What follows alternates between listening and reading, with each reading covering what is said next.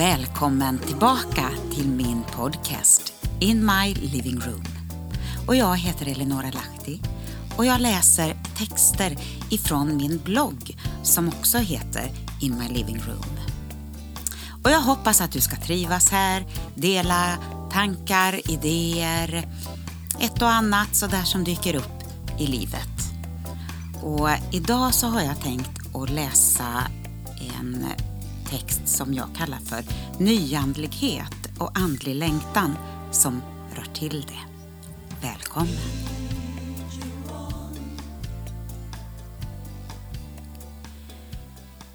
För en tid sedan så skrev jag ett inlägg som jag kallar för En ande av urskiljning. Och det var flera utav er som hörde av sig till mig och undrade vad jag upplevt eftersom jag valde att skriva kring det här ämnet. Jo visst, jag skriver ofta utifrån något som jag sett eller upplevt och så var det verkligen i det här fallet. Men det handlar inte om något jag sett här hemma i mina hemtrakter. Tack och lov. Men eh, för den skull säger jag inte att det inte skulle förekomma konstigheter, förvirring, bedrägeri och allsköns galenskap. Jo då, vi, vi behöver vara vakna. Det diskuteras om man kan tro på Bibeln, Adam och Eva och mycket annat och samtidigt leva i den här moderna tiden. Troende förlöjligas och häcklas i medier och det är lätt att ducka i snålblåsten för att inte uppfattas som en alltför konstig figur i den här tiden. Men någonting tycker jag ändå är märkligt och som inte riktigt stämmer för mig. Det finns en form av nyandlighet som väller in med full kraft. Något som uppfattas som mjuka, varma värden att ta vara på i en tid när materialismen inte riktigt längre räcker till och utmattningssyndromen behöver en varm filt att omsluta sig med. Något som vill hjälpa människan att uppnå en personlig förändring, ge upplevelser och snabba erfarenheter. Jo då, någon helgkurs kan räcka, det som tar åratal för en psykolog att uppnå, säger en förespråkare. Och man undrar, vad i hela världen håller de på med för någonting? Nu kallas spådamer för mediala rådgivare och de kliver in i de fina salongerna med mode och inredning och musik och andarna de tassar runt för att meddela sina intresserade klienter sitt budskap. Det är ingen liten grupp människor och andevarelser eller en undanskymd företeelse. Nej, det är en stor växande trend av andlighet som breder ut sig frimodigt och där vi kristna nästan inte ryms och vi står med svansen mellan benen.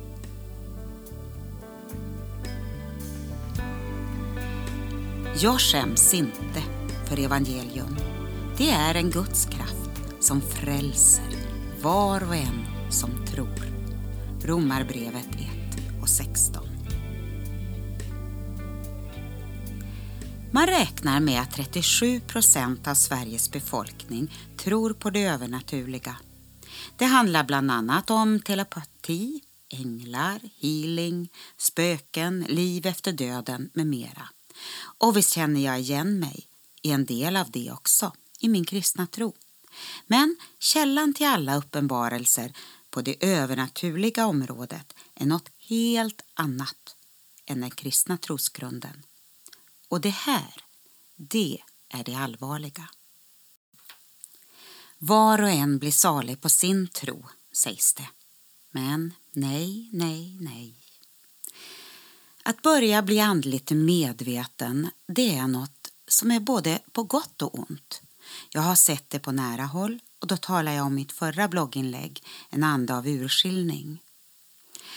Alla människor bär på evigheten inom sig, en gudslängtan som ibland har svårt att komma till uttryck och som söker sina egna vägar till tillfredsställelse. Det är den längtan det är strid om. Men Gud vill möta var och en i denna längtan med sin kärlek, i det som Jesus har gjort för oss när han dog och uppstod.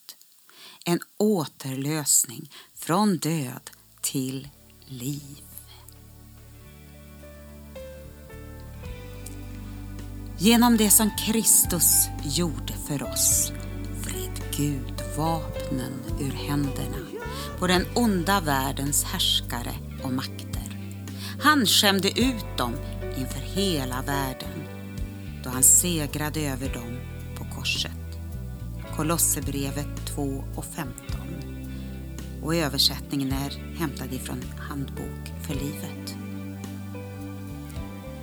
Jag hör numera lite nu och då talet om att det är öppet i Sverige. En andlig längtan börjar ta form och ersätta de hårda värdena av materialism som länge präglat oss. Men jag hör fara, fara, fara.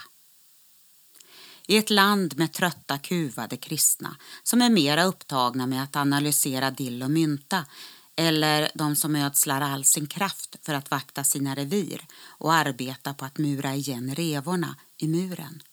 Där finner denna tids nyandlighet sin fina mylla och sitt fria spelrum.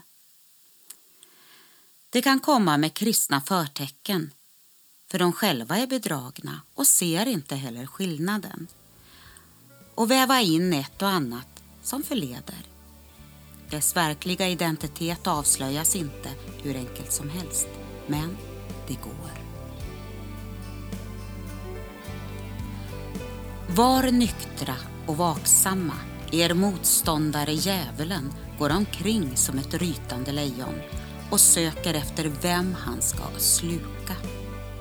Gör motstånd mot honom, orubbliga i tron och tänk på att era bröder här i världen utstår samma lidanden. Första Petri brev 5, vers 8 och 9.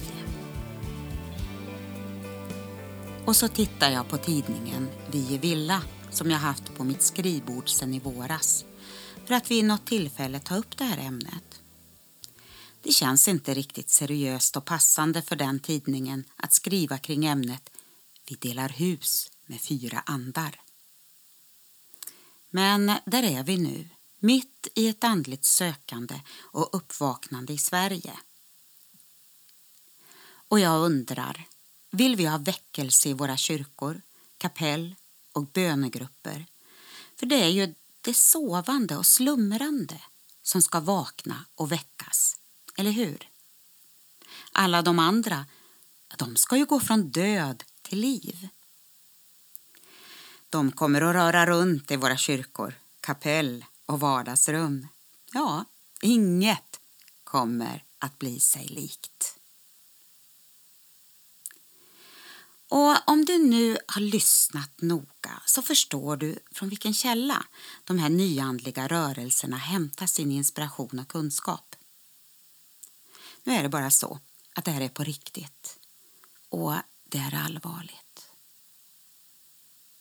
Och jag skulle bara vilja avsluta idag med att be tillsammans med dig. Om att vi i Sverige får komma på rätt kurs och söka den andliga, sanna, äkta, rena källan. Jesus, jag bara tackar dig och jag prisar dig för att du kom till den här världen för att rädda det som var förlorat. Och jag tackar dig Jesus för att du vill uppenbara din helighet, din kärlek, din ljuvlighet, vem du Jesus är. Och jag ber om att jag tillsammans med mina troende vänner runt om i landet får vara de Kristusbrev och den väldoft som du vill att vi ska få vara i den här tiden. Tackar dig Jesus för att du hjälper oss, du ger oss mod, uthållighet Åh, du bara leder oss och för oss rätt. Vi ber om det i Jesu namn.